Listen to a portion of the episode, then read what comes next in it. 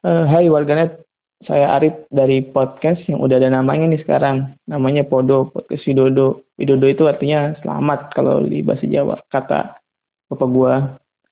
Nah, tujuan adanya podcast ini itu mengasihkan kenangan gua sama teman-teman gua yang udah gua kenal nih. Uh, tujuannya sih untuk jadi arsip digital kalau misalkan gua udah tua bisa didengerin lagi nih. Nah, selain itu kalau misalkan ke depannya takutnya gue sama teman-teman gue ini lost contact dan sebagainya. Dan ngubungin lagi kan canggung. Nah kalau misalkan gue pengen mengenang kan bisa lewat sini juga. Nah di tengah-tengah corona sekarang ini salah satu yang paling terpengaruhi itu pendidikan dan sekolah. Apalagi yang pas pertama. Ada kasus positif di Indonesia nggak lama sekolah diliburkan nah ini ada teman gue nih. Namanya Dimas. Tapi gue panggil biasanya Dai uh, ini sahabat gue sejak SMA dan nggak nyangka juga gue dia jadi guru di SMK salah satu SMK di Bekasi. Gimana deh kabarnya deh uh, alhamdulillah. Baik baik. Lu gimana nih? Aman aman. Gue aman. Tapi ya uh. udah ada kasus positif juga di daerah gue ini. Aduh eh Bekasi udah PSBB ya? Iya, Bekasi PSBB itu mulai kemarin tuh uh, hari Rabu itu udah mulai PSBB. Gimana Cuma ya gitu. Kondisi PSBB di sana? Uh, sejauh ini sih berjalan aman ya. Karena di beberapa titik juga udah dipasangin checkpoint-checkpoint supaya orang-orang yang masih keliaran tuh bisa pada dikasih pengarahan lah sama keamanan-keamanan di sini. Karena emang masih banyak juga yang bandel ya, susah dibilangin. Iya, ya betul betul. Apalagi anak-anak muda mungkin ya. Iya, apalagi anak-anak muda seumuran kita deh, yang egonya masih tinggi gitu. Betul, betul, betul. Eh, ini eh ada apa nih? Kan gue udah ada podcast nih, mau ngobrol-ngobrol juga. Nah ini kan gue nggak nyangka banget nih pas SMA lu udah gitulah ya, maksudnya untuk eksak kan, apalagi lu matematika kan deh ya. Iya. Uh, matematika lu kan matematika dulu nggak sehebat itulah sekarang juga kayaknya nggak hebat ya.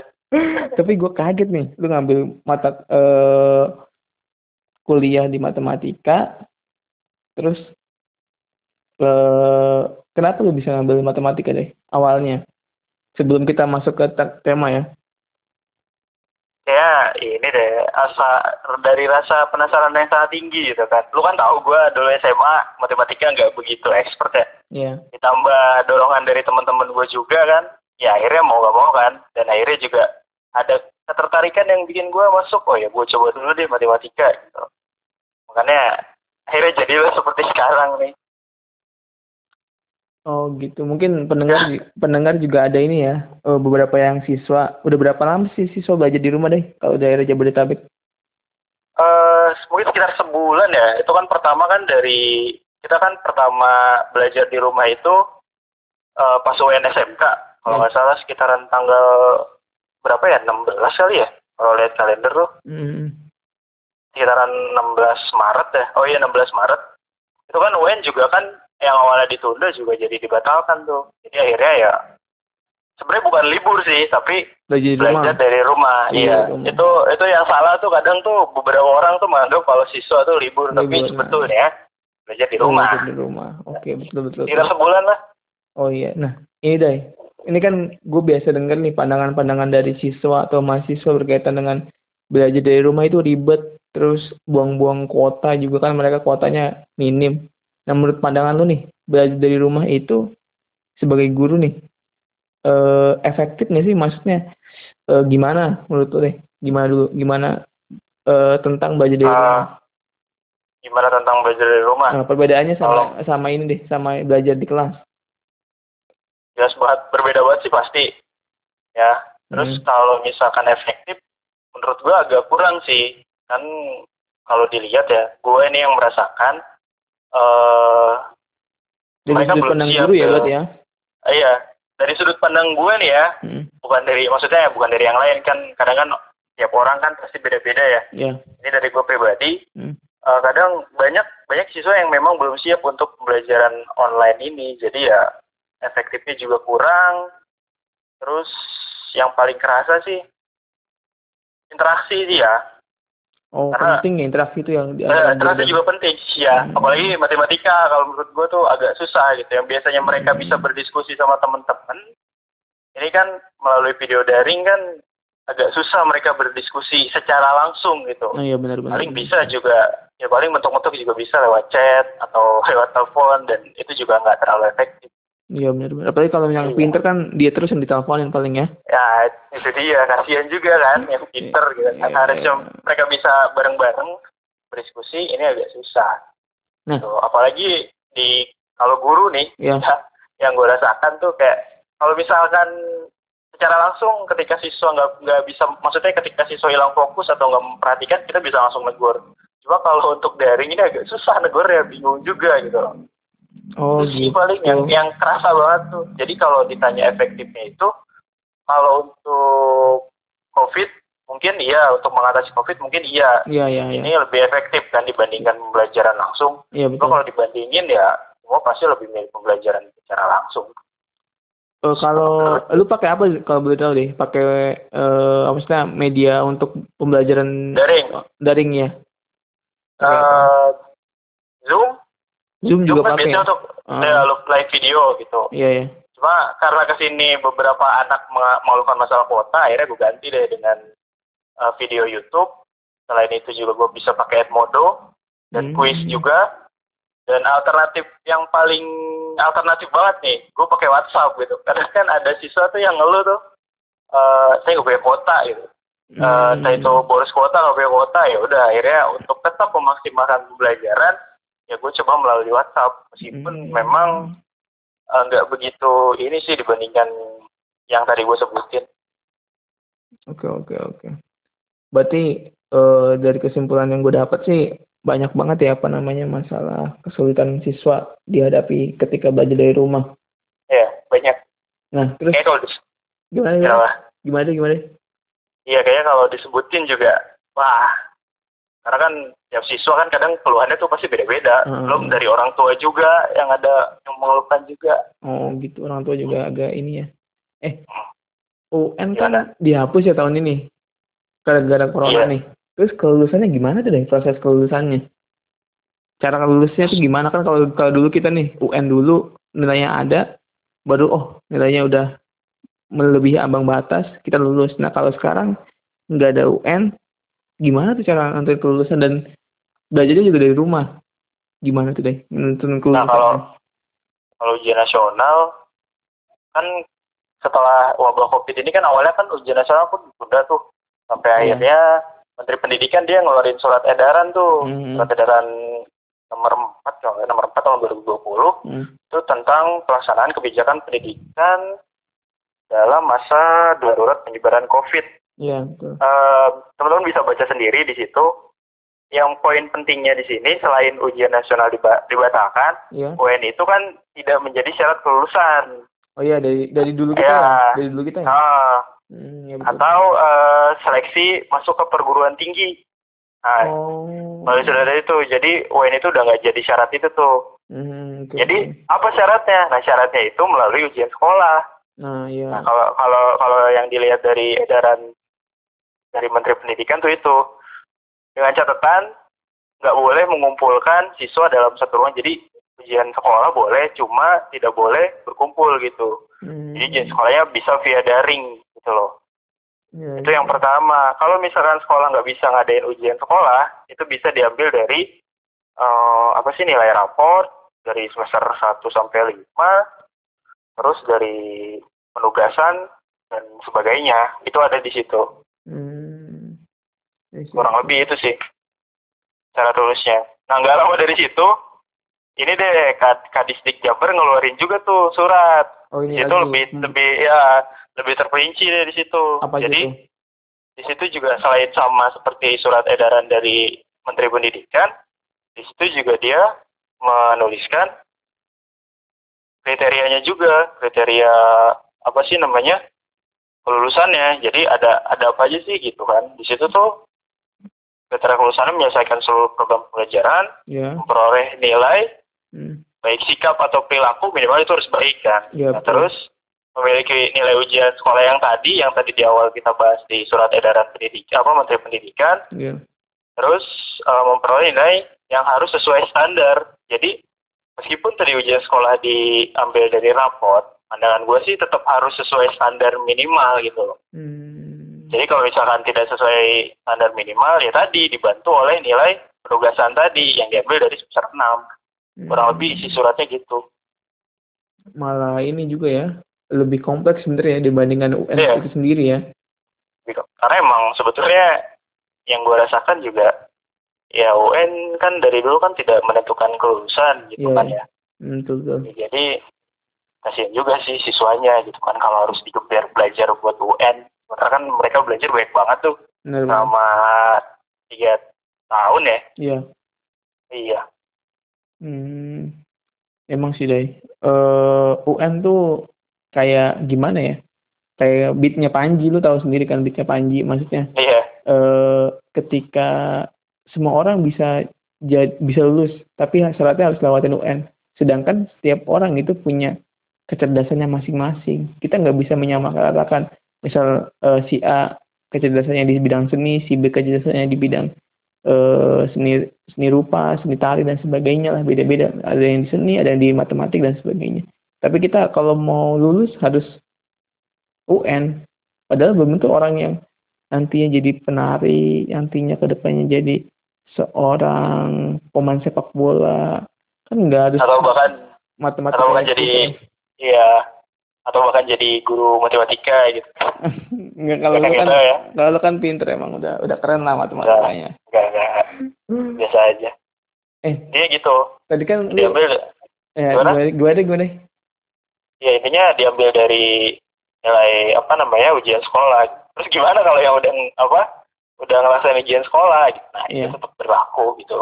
Jadi surat edaran ini kan kalau misalkan dia sudah melakukan ujian sekolah yang tadi tuh ngumpul ujian sekolah ngumpul sebelum surat edaran ini keluar yeah. itu tetap berlaku. Oh oke oke oke. Tinggal baca aja deh di situ pokoknya informasi tuh seluruh informasi pasti ada di Kemendikbud. Oh, buat teman-teman nih siap. yang pendengar ya. silahkan dibaca. Tuh baca tuh penting. Mungkin ada adiknya atau siswanya lagi ini buat nyiapin gimana caranya lulus nih atau tanya gurunya gurunya lagi update juga nih ternyata Dimas. Eh ini deh kan tadi mention ya eh, sedikit tentang ternyata ada orang tua juga yang kesulitan nih ketika anaknya belajar dari rumah. Karena mungkin hmm. eh, ngerasa kerepotan harus ngajarin anaknya juga. Dan ya apalagi misalkan nggak cuma yang jenjang sekolahnya misalkan ada yang punya kakaknya SMA, adanya SMP, mungkin ada anak lagi yang adanya paling kecil SD. Nah itu kan ribet ngajarinnya satu-satu. Ternyata adanya pandemi corona ini membuat orang itu juga sedikit atau sadar lah. Ternyata ngajarin anak tentang mata pelajaran di sekolah itu nggak semudah itu ya, deh. Benar sih? Iya sih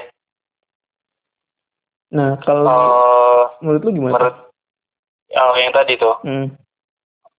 Iya, jadi adanya wabah ini ya tadi sebetulnya emang mungkin yang dirasa orang tua yang tadi agak susah gitu. Hmm. Cuman mungkin karena memang orang tuanya sibuk kerja gitu, jadi hmm. agak kurang memperhatikan gitu ya, hmm. sibuk kerja, yang lain sibuk apa gitu, sibuk berjualan. Hmm. Jadi setelah tahu ya setidaknya adalah yang namanya rasa apa sih namanya kekeluargaan atau apa gitu ya. Peduli juga itu ada guru ah ya peduli juga. Oh ternyata uh, guru tuh tidak semudah yang kita kira loh gitu. Mm -hmm. ternyata ngajarin anak tuh susah gitu. Jadi ada nilai plusnya juga sih untuk guru. Jadi setidaknya orang tua tahu rasanya sulit mendidik ya, uh, ya. seorang anak gitu kan. Karena kan bukan cuma ngajarin gitu tapi mendidik gitu. Nah, tidak bener tuh so banget so, soalnya juga banyak juga nih yang murid-murid yang agak-agak uh, gimana ya dibilangnya kurang kurang sopan lah istilahnya kayak gitu kan yeah. maksudnya ketika muridnya eh ketika gurunya itu galak mereka kadang lebih galak lagi atau lebih kurang ajar lagi. Ada beberapa contoh-contoh di video-video yang sekarang viral atau beberapa waktu lalu yang viral kan banyak juga murid-murid yang kurang ajar. jadi guru itu juga bingung ya deh maksudnya guru itu mau galak tapi takutnya nanti disangka eh kalau sampai ini ya sampai melukai nah takutnya disangka ini apa namanya bukan sebagai pelajaran tapi takutnya disangka penganiayaan tapi kalau Penganiayaan, iya. ya, kalau misalkan dia ngajarnya baik-baik kadang ada murid yang songong juga kayak gitu jadi nggak segampang itu jadi guru Nah itu yang perlu diketahui orang tua mungkin ya. Iya. eh kalau gua sering ngobrol sama guru-guru yang lebih senior, Hmm. biasanya kalau siswa yang tadi itu sebetulnya mereka kemungkinan cari perhatian gitu dengan cara ya tadi mereka mungkin nakal atau gimana, walaupun sebetulnya belum tentu juga dia di rumah kayak gitu gitu loh. oh iya betul, Ya tadi bisa bisa jadi eh, ini sih berdasarkan apa yang gua alami gitu ya. Iya iya. Dan apa yang gua tahu dari guru-guru yang ngobrol sama gua itu tadi bisa jadi di rumah dia kurang perhatian orang tua sampai akhirnya ya begitulah di sekolah gitu. Sebetulnya ya mungkin cari-cari perhatian. Itulah. Makanya kadang jadi orang tua juga sulit sih ya. Selain kalau menurut gue selain guru juga orang tua juga sulit. Selain mereka juga harus kerja mereka juga harus memperhatikan anaknya juga. Benar-benar. Luar biasa deh pokoknya. Terus juga gue kan ngeliat juga gue kan dulu salah satu korban penganiayaan guru juga. Pernah Wah. tuh gue Oh, iya. pernah tuh gue digampar sama guru ya. Udah digampar sama ditendang juga sama guru tuh. Maksudnya dulu tuh gue nggak terima maksudnya nggak terima hmm. karena anjir kenapa gue harus diperlakukan seperti ini? Tapi setelah gue makin dewasa dewasa dewasa gue mikir oh ya guru juga istilahnya tekan dalam artian belum tentu gaji gurunya eh, besar. Terus apalagi kalau misalkan gurunya guru honorer kan otomatis iya benar-benar otomatis gajinya kan pas-pasan. Dan gue tahu banget tuh guru yang melakukan penganiayaan terhadap gue itu waktu itu guru honorer kayak gitu. Tapi menurut gue itu sebuah pembelajaran juga buat gue karena mungkin waktu itu gue juga agak songong mungkin.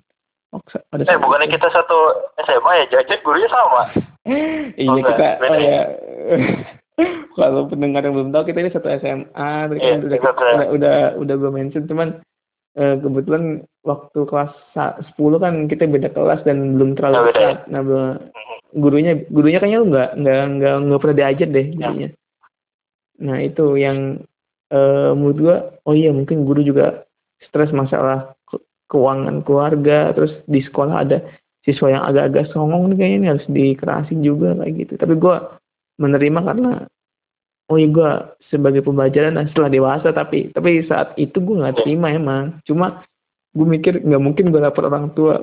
Kalau zaman sekarang mungkin lapor orang tua terus dipolisikan. Nah kalau zaman dulu lapor orang tua ditambahin dong. Iya beda beda Beda. generasi ya. Iya. Nah itu menurut tuh gimana deh?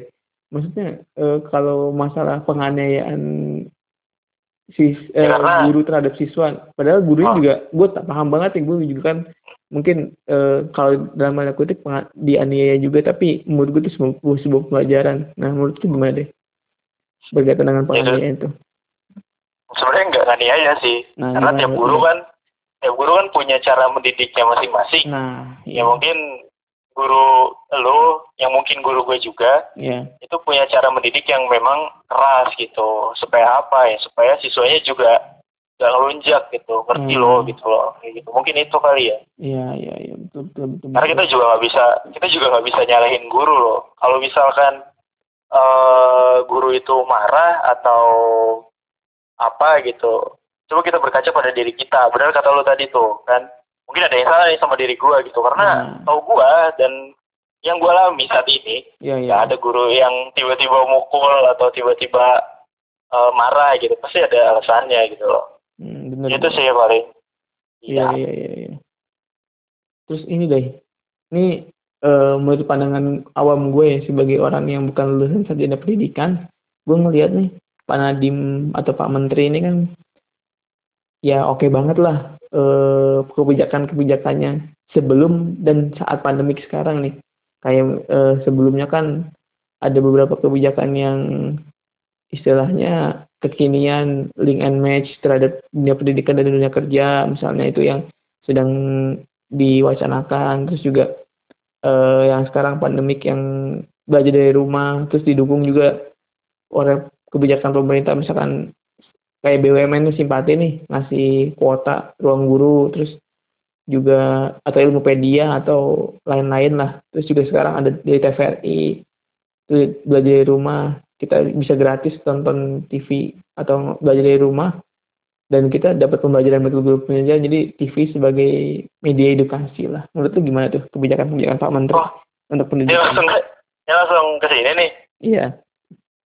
Padahal gue tadi mau coba eh, membenarkan yang tadi tuh, takutnya ntar jadi perdebat apa namanya perdebatan juga tuh kalau guru harus. yang mana Iya yang tadi kan katanya kan guru itu apa sih namanya yang eh, lu bilang katanya dia ngegampar lu gitu kan. iya iya Nah itu yang tadi gue bilang kan itu kan cara mendidik guru. eh bener Eh, sebetulnya di di waktu sekarang eh, yang kayak gitu tuh sudah tidak dianjurkan gitu loh. sangat-sangat tidak dianjurkan Hmm, apalagi ya yang tadi tuh gampar. Pokoknya hukuman-hukuman fisik tuh sudah tidak dianjurkan di sekarang. oh iya Makanya, iya makanya sebagai guru harus lebih apa ya, lebih open minded lagi gimana caranya memberikan punishment yang eh, bisa ngena gitu tanpa harus melakukan fisik gitu. Hmm. Itu harus gua klarifikasi dulu tuh. Oke, Soalnya bahaya juga kan nanti gua dikira membolehkan untuk menggampar lagi enggak enggak. Oh iya oke oke. Eh berarti kayak push up, kayak squat jam, lari itu udah nggak boleh ya sebenarnya? Nah, nggak boleh, nggak boleh. Nggak boleh. Karena ya? memang udah nggak boleh ada yang namanya hukuman fisik gitu. Itu Itulah eh, apa sih namanya kayak tugas guru lagi tuh gimana cara kita memberikan punishment tapi tidak berupa hukuman fisik gitu loh. oh itu ada surat edarannya kah atau apanya kah itu dasarnya ada deh? Ah, ada kayaknya. Coba gue lupa ya. Aduh. Hmm, Gue coba tapi ada. Gue pernah ngobrol sama satu guru iya ya. di tempat gue ajar juga. Beliau juga mengiyakan itu. Jadi sebenarnya hukuman fisik itu udah nggak boleh sekarang. Kita tuh harus Hmm. memberikan hukuman yang memang bisa mengena dan bisa memberikan pelajaran juga terhadap mereka kayak gitu. Oh oke oke. Jadi ternyata gue baru tahu juga ternyata udah udah lama nih gue nggak sekolah. Jadi oh udah update update itu ya ternyata lari udah nggak boleh squat jam nggak boleh push up juga nggak boleh. Ya hukuman intinya hukuman fisik tidak dianjurkan gitu loh. Untuk ya tadi punishment tadi sudah tidak dianjurkan. bagus sih maksudnya emang eh, kadang tapi kadang emang ada ada ada aja murid-murid yang gitulah lu tau lah Tetap maksudnya. Ya. Murid-murid yang agak tetap. songong gitulah. Ya, tetap tidak tahu diri ya. ya tapi dia tahu diri lah. Ya itulah beratnya tugas seorang guru. Makanya gue salut banget deh sama guru-guru senior di tempat gue ngajar. Hmm. dari mereka gue belajar. Karena kan gue juga baru nih. Hmm. belum lama. Gue juga baru mulai ngajar juga. Udah setahun belum eh, setahun ya baru setahun kan masih yang, yang, yang kata- di SMK yang sekarang yang sebelumnya kan udah oh iya sebelum sebelumnya udah berapa tahun deh? Sama yang sebelumnya. Udah setahun juga oh kan iya. Yang di Kerawang? Tahun Oh. yang di Kerawang eh yang di Kerawang satu semester apa dua semester? Yang di Karawang satu semester. Satu satu semester. semesteran. Terus yang Ya. di sebelumnya itu yang di swasta? Sebelumnya nah, swasta itu bareng sama yang sekarang nih. Oh akhirnya gue iya. fokus di SMK yang sekarang. Oke oke oke. Gitu deh lanjut lagi deh yang pertanyaan tadi. lanjut yang gimana deh? Sorry ya di sorry dipotong ya jadi acak-acakan santai santai slow slow. Soalnya gue takut bermasalah. Disangkanya wah serius nih ternyata membolehkan guru gampar murid gitu. Wah enggak enggak itu enggak kayak gitu enggak. Ini udah klarifikasi ya. Jadi hukum- hukuman fisik hukuman fisik itu udah nggak boleh sebenarnya. Ya eh, cuma kalau dianjurkan. ka- cuma kalau lu emang bocahnya songong emang bocahnya ngeselin ngeselin lu, lu sadar diri lu orangnya bander lu kalau dikasih hukuman fisik jangan malah lapor. Lu sadar diri dulu lah. Introspeksi Ya, itu. diri kayak gitulah. Lu kenapa dikasih hukuman fisik dan teman-teman lu nggak dikasih? Karena lu bader banget. Diomongnya udah nggak bisa dikasih tugas udah nggak bisa. Ya nggak deh? Iya benar intinya balik lagi introspeksi. Berkaca lah. Berkaca lu. Jangan kayak gua. Gua baru sadar sekarang. Sekarang nih akhir-akhir ini gua baru sadar. Ternyata susah jadi guru. Gajinya juga Iya, gajinya kalau lu mau tau nggak gede juga coy. Ingat ya ini nggak cukup untuk beli Nintendo Switch ya aja ini eh, kalau pendengar nggak tahu nih Day itu punya Nintendo Switch nah, itu Itu- itu tahun berapa deh lu beli? Tahun kemarin ya? Iya, tahun ini penting banget dong dibahas ya. Eh, berapa berapa harganya? Berapa harganya? Aduh, jadi bahas ini deh. Enggak apa-apa deh. Sekitaran, Di bensin sekitar, dikit. sekitaran 2,5an lah. 2,5. Sekarang ya harga Iya. barunya berapa harga barunya? Sekarang naik tuh bisa sampai 3,5an. Harga Iya. baru apa harga second? Iya, Harga, harga baru tuh. tiga Eh, harga second, harga second, harga second. Harga second Harga baru. 3,5. Sekitar segitulah. Harga barunya Harga barunya bisa sampai 3, 36, 38, sampai 4 juta. Itu yang punya gua. Kalau ada lagi yang beda, eh, yang lebih high, ya. itu bisa sampai berapa tuh, 7, 8. Hmm. Ini kalau jadi bahas Switch sih tidak nyambung dengan podcast kamu, nak. Enggak apa-apa. Nah ini gue baru sadar ada, ternyata ada barang-barang yang istilahnya investasi bisa jadi investasi juga. Gue Iya. pikir Nintendo Switch itu pasti harganya bakal turun. Eh tiba-tiba ada pandemi Nggak. corona malah naik. Lu jual untuk sejuta deh. Gue jual untuk sejuta. Anjir. Cuma sayang lah.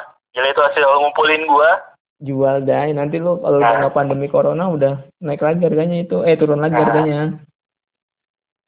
Enggak lah, jangan sayang, sayang. itu Oke. Ya, ini sih sebuah barang yang lu dapetin dengan cara eh, susah payah, itu pasti bakalan sayang buat dijual. Hmm, Pasti. ya, ya, oke oke. Oke deh. Baik lagi deh. Balik ke- lagi. Ke pertanyaan yang tadi deh. Yang ini. Ini dikat ya. Eh, nggak usah lah. Ya.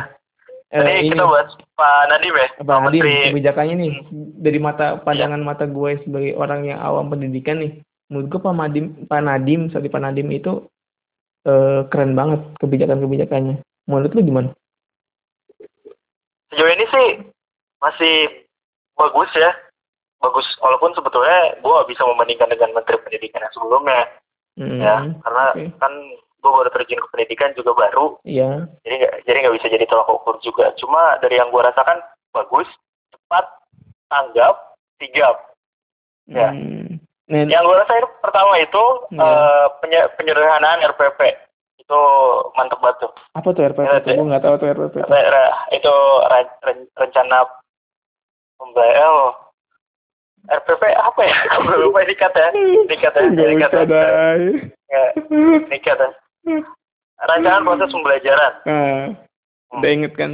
Nggak apa-apa. Iya. Lupa lupa dikit gue aja. gue gue tegang soalnya rancangan proses pembelajaran Ah, itu dulu kalau eh pas PLP bikin itu itu banyak banget coy asli untuk banyaknya satu itu kan semester gimana? ya untuk satu semester lu bisa bikin sampai 100 lembar mungkin ya karena kan di situ kan ada yang namanya eh KI, KD dan sebagainya gitu loh mungkin Sorry, aku sorry. jelasin juga. Sa- 100 lembar itu satu mata pelajaran atau seluruh mata pelajaran? satu oh ya, satu mata pelajaran karena Satu kan gue mata mau pelajaran? ngampu iya karena kan gue mau ngampu ini juga apa sih namanya matematika jadi ya buat gue aja Banyak gila deh.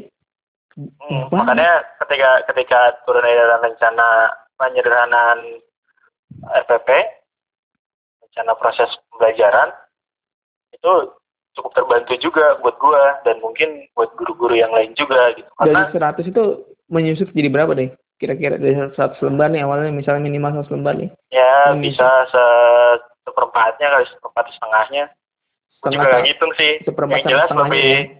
yang jelas lebih sedikit Oh, oke oke. Eh, karena itu tadi mungkin tujuannya supaya mengefisiensikan mengefisiensikan waktu Betul. ya nggak supaya Ya. guru nggak terlalu fokus terhadap rencana pembelajaran kan rencana proses pembelajaran kan Hmm, betul betul betul. ya kan Iya. karena iya. emang tujuannya itu supaya nggak buang-buang waktu juga Biar fokus mengajar juga ya. ya dan bisa diinovasikan sesuai dengan pemikiran guru masing-masing Oh, berarti kacamata gue masih bener nih menilai Pak, Pak Nadiem ke kebijakannya keren-keren sih.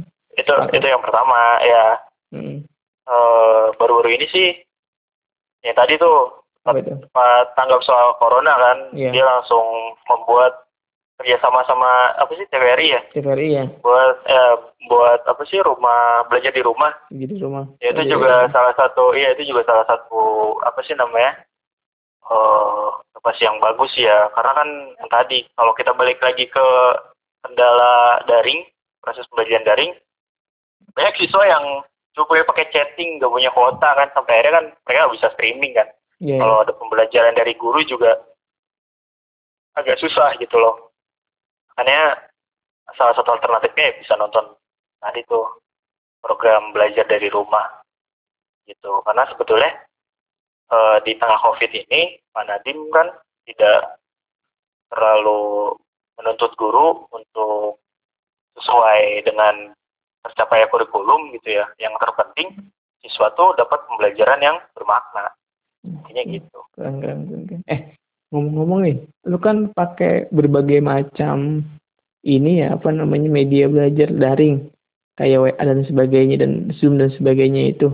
Nah, lu mengalami nggak maksudnya ada siswa siswa yang gaptek gitu. Maksud gua untuk era sekarang kan sosial media makin ini pasti semua siswa itu pasti punya Instagram, Twitter, Facebook atau sosial media lainnya lah pasti punya kan. Pasti megang HP yang udah layar sentuh dan sebagainya, udah Android dan sebagainya.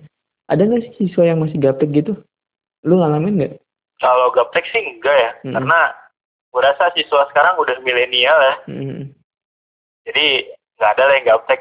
Hmm, tapi kalau Kalaupun mereka, kalaupun mereka kesulitan, pasti mereka bakalan coba nyari sendiri gitu. di Di tempat di Google tempat ya. sekolah gue sih, ya di tempat sekolah yang gue ajar sih, ya mereka rata-rata begitu. Ketika mereka nggak tahu, mereka nanya, terus mereka cari sendiri.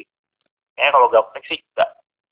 Nah kalau ini deh, etika komunikasi deh, etika komunikasi lewat antara guru dan siswa kan kalau langsung dan lewat WhatsApp atau lewat eh, media chatting lainnya pasti beda banget dong. Nah itu agak ini nggak sih? Ada yang med- eh, cara atau dalam berkomunikasi lewat media daring kurang inilah kurang kurang semestinya atau kurang sopan lah gitu.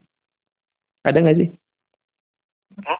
Ada nggak yang Eh, secara satu komunikasi? dua sih satu dua sih masih ada gitu karena mungkin mereka juga belum tahu ya gimana cara etika berkomunikasi jadi ya kalau misalkan ada yang seperti itu ya paling langsung gua kasih tahu gitu. Hmm. kamu harusnya yang benar tuh ngubungin guru tuh seperti ini seperti ini. Karena emang masih ada lah satu dua.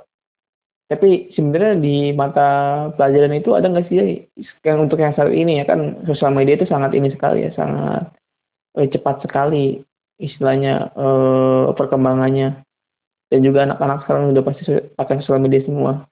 Anak-anak itu diajarin nggak sih cara komunikasi lewat sosial media, cara menggunakan sosial media itu udah diajarin nggak sih di Dia, sekolah-sekolah? diajarin Diajarin, kok Kalau- kalau di SMK nih ya. itu ada ada yang namanya kalau nggak salah simulasi digital deh kurang Hmm. lebih kayaknya pelajari tentang komunikasi teknologi itu deh kayak gitu deh Hmm. modelnya kayak TIK kalau zaman kita ya Iya, TK, TK. Yang udah nggak ada lagi kan? Iya nggak ada lagi. Cuma kalau di SMK ada namanya simulasi digital. Simulasi di- gua rasa juga diajarin deh diajarin itu deh. Untuk Gua- komunikasi gua juga komunikasi ini ya, Ya. komunikasi. Kemungkinan ya. Iya iya. Soalnya penting banget sih maksud gua eh, berkaitan dengan cara menggunakan sosial media yang baik dan benar sih. Perlu sih menurut gua dibuat siswa-siswa karena takutnya kan ya gitu cara ngomong di sosial media sekarang kan cepat viral sekali kayak gitu atau melakukan hal yang aneh-aneh di sosial media kan cepat viral sekali. Nah dari Iya, itu selama WFH nih WFH nih ya maksud gua eh lu kan kerja juga dari rumah pasti melakukan hal-hal lain selain ngajar ya. Ngapain aja deh? Oh selain ini nih WFH selain selain ngajar ngajar daring ngajar daring. Gua gua paling main game ya. Main game. Sih, main game atau apa ya gambar kali ya gambar komik yang belum selesai sampai sekarang. Lu itu sih paling. main game gambar. Lu main game di record kan? Ada di upload di YouTube Ya. juga. Lagi, lagi coba di record. Di record terus juga di komik juga ada Instagramnya. Ngajar juga. Iya. lu banyak banget deh kerjaan lu. Fir- maruk lu kayak Firaun Kok maruk? Wah, Ya, maksudnya gue gue jelasin banget lu kayak Firaun ya gue gue, gue jelasin kalau ngajar Hmm. itu kan kewajiban ya oke kewajiban kewajiban ya kewajiban kita sebagai seorang manusia Hmm. mengamalkan ilmu yang udah kita dapat iya ya. iya. Ya, apalagi kan gue lulusan pendidikan Iya, mau iya. tidak mau itu menjadi sebuah kewajiban kan benar nah kalau main game itu beda lagi konteksnya game Gimana itu hobi game itu hobi gue dari Hmm. kecil dari umur enam tahun itu Iya. udah dicekokin main game kalau zaman dulu tuh Super Mario Bros ya mungkin teman-teman ada yang tahu Super Mario Bros nah itu gue dulu zaman pas eh, umur enam tahun itu udah dicekokin itu sampai sekarang Itu mainnya game apa deh? hobi Lu pakai apa deh dulu? Dulu tuh mainnya Mario Bros. dulu tuh ada yang namanya Nintendo Oh, iya Nintendo. eh, NES ya Ya, atau ya, kita ya. biasanya nyebutnya Tendo nah Tendo, itu Tendo, Tendo. ya Terus terus. jadi dulu gue dicekokin game bukan karena apa gitu karena emang ya kebetulan nyokap gue susah maksudnya nggak kayak sekarang alhamdulillah tercukupi Hmm, ya. jadi supaya gue nggak jajan di luar salah satu cara dia adalah ngajakin gue main Nintendo sampai gue tiduran. Nah itu dia tuh yang gue kenang sampai sekarang. Makanya gue sama eh, Nintendo NES dan Super Mario tuh, tuh kayak punya kenangan tersendiri. Temenan banget lah, temenan banget. Iya, kayak, kayak wah udah banget lah Terus Kalau ngomik- gambar? ngomik-ngomik. Hmm? hmm. Gambar. kalau komik Iya. Eh, iya, gue mencoba untuk mempelajari hal baru selain tadi main game. Gue coba buat ngomik. Karena kan eh kadang kita juga merasa kita kan kita pernah merasa resah atau gelisah gitu ya. Jadi salah satu cara nyampein rasa gelisah itu ya dengan cara gue coba dengan cara ngomik. Karena kalau nulis gue nggak begitu jago nggak kayak lu kan. Kalau lu kan jago banget tuh nulis. Apaan? Kagak, kagak. Kemarin gua podcast sama temen gua yang ada ada kelas lagi itu. Bahas nulis dia lebih jago daripada gua.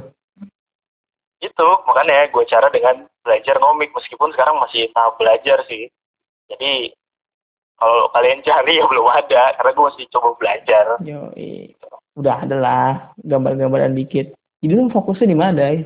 Ngomik atau ngajar atau nge-YouTube nih, game YouTube nih. Wah, kalau bisa sih ketiganya ya Ketiganya. karena gue gak karena gue karena gue gak, nggak mungkin ninggalin ngajar ya itu udah ibarat kata udah sebuah kewajiban gue bisa ninggalin itu gue juga nggak bisa ninggalin main game itu juga Iya. termasuk hobi kan Iya, iya betul.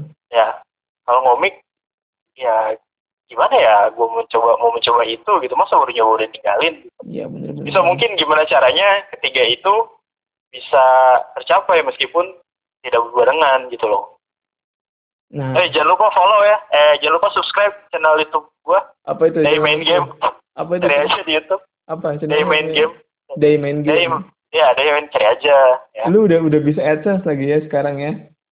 enggak itu bukan itu punya temen gua Anjir, enggak bukan gua kira punya lu. Enggak itu bukan itu bukan. temen gua Eh, nih sebenarnya teman-teman pendengar, nih sebenarnya Dimas itu bukan cuma ngajar, bukan cuma main game di YouTube terus direcord, terus juga bukan cuma bikin komik di Instagram. Dia juga sebenarnya punya band dulu waktu SMA. Gue tahu nih band nama bandnya Scary Sad Night. Nah sekarang udah nggak ada Scary Sad Night, tapi tinggal scary-nya doang. iya Nah, banget ya Terus diupload lagi. Ini baru baru baru ini baru dulu sih ya. Oh Hari baru ini baru juga ini ya kita kita tag, tag, eh, apa podcast ini baru rilis juga nih lagunya. boleh boleh boleh iya jadi ini lucu ya Lagunya apa dong? Eh, Lagu, judulnya itu dong, judulnya judulnya. judulnya keceriaan Yo, Kalau- sekali satu. Sebenarnya- Iya walaupun sebenarnya orang-orang nggak ada yang ceria ya kayaknya jadi ini lucu nih jadi kan uh, Scary Sad Night itu udah lama banget tuh 2011 ya. Ya, Eh, sempat beberapa dua kali ganti genre. Eh, dua ka- empat kali ganti personil sampai akhirnya bubar kan. Ya, gue gue mikirnya dari tahun 2011 sampai 2014 kita cuma punya satu lagu. Ya. nah, kata gue sayang juga nih coba iseng-iseng upload di Spotify gitu kan. Tujuannya ya buat arsip aja gitu kan sewaktu-waktu kan. Kita udah pada tua gua eh, Rizky Ferdi sama Harry. Yang kebetulan Harry itu udah nikah udah pada tua siapa tahu kan nanti anak kita Udah punya anak lagi ya? Eh, udah punya anak juga ya? Harry udah punya anak. Siapa tahu nanti anaknya bisa denger kan bapaknya dulu tuh bikin ini loh gitu. Yo, sebetulnya nggak begitu bagus ya kalau kata gue ya. Karena gimana ya namanya anak SMA pas lu SMA bikin lagu gitu kan. Ya seadanya gitu loh. Referensinya juga waktu itu kita masih minim banget jadi ya udahlah itulah Kalau mau tahu dengerin aja boleh kok. Ada juga di Spotify ya. Udah udah udah sekarang udah di Spotify. Udah Iya, bisa iya. didengar di Spotify, di iTunes dan iTunes juga ada? lainnya. iTunes ada. Oh, Oke, keren, keren, keren, keren. Ya lu, semoga ini deh dengan karya-karya lu, dengan ngajar lu bisa bermanfaat deh. Amin amin. Bisa sukses di bidang-bidang masing-masing. Terus ya, karena kalau menurut gue sih, hal yang paling enak kan digaji dari ini ya, hobi yang lu kerjain kayak gitu. Ya semoga aja ya. Ada yang mau gaji gue dari hobi-hobi gue ini. Oh iya, yang tadi dikat tuh yang rencana pelaksanaan pembelajaran. Kagak usah. Apa? Apa? yang, re- yang RPP tadi rencana pelaksanaan pembelajaran. Nggak usah, Dai. Masa masa guru gak tau RPP? Lu kan, malu. lu kan ingat.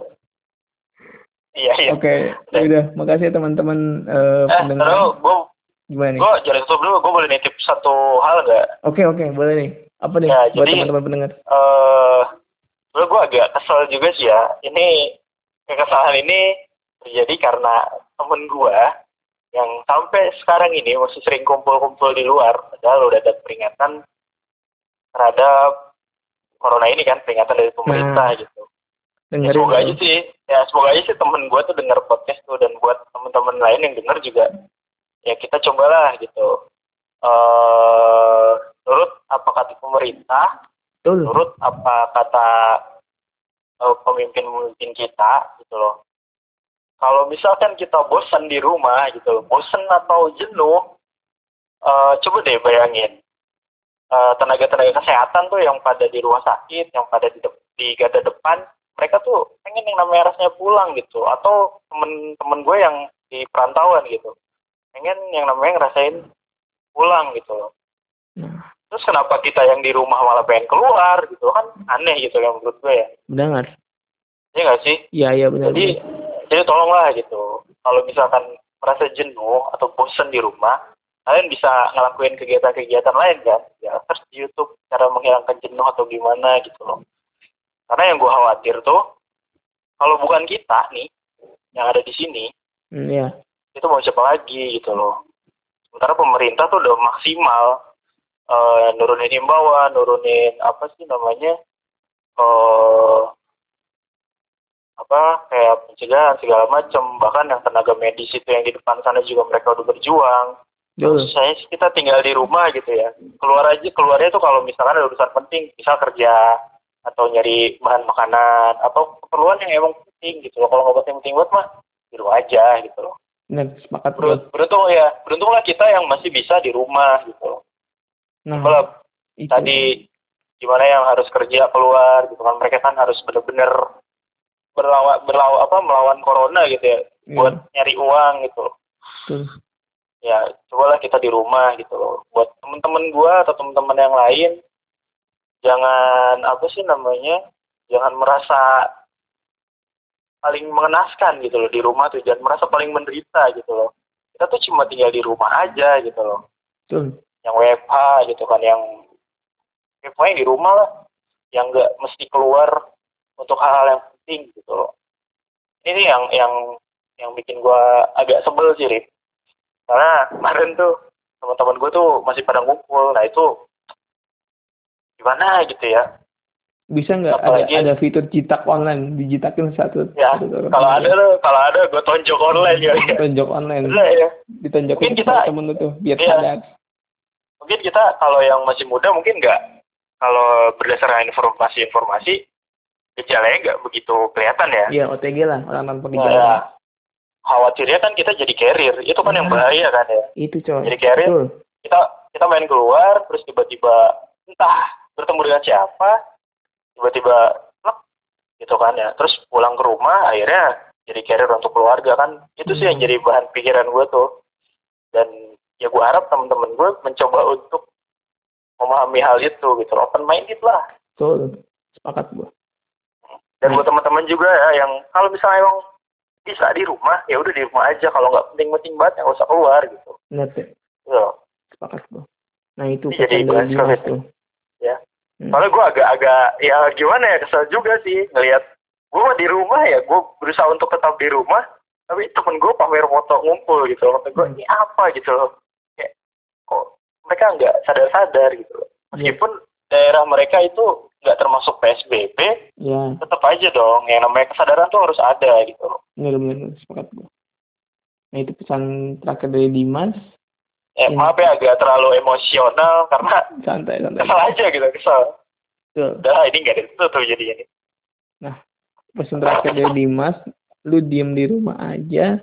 Kalau lu bisa diem di rumah tapi kalau misalkan lu harus keluar rumah ya tetap hati-hati. Kalau misalkan lu yang bisa diem di rumah tapi masih keluar rumah lu lihatlah keluarga lu. Kasihan bapak ibu atau ada kakek nenek lu di rumah atau adik-adik lu yang masih kecil. Nah lu lihat jangan lu mentingin diri lu sendiri karena bosan oke pesan terakhir dari Dimas intinya gitu. Makasih buat teman-teman yang udah dengerin. Dadah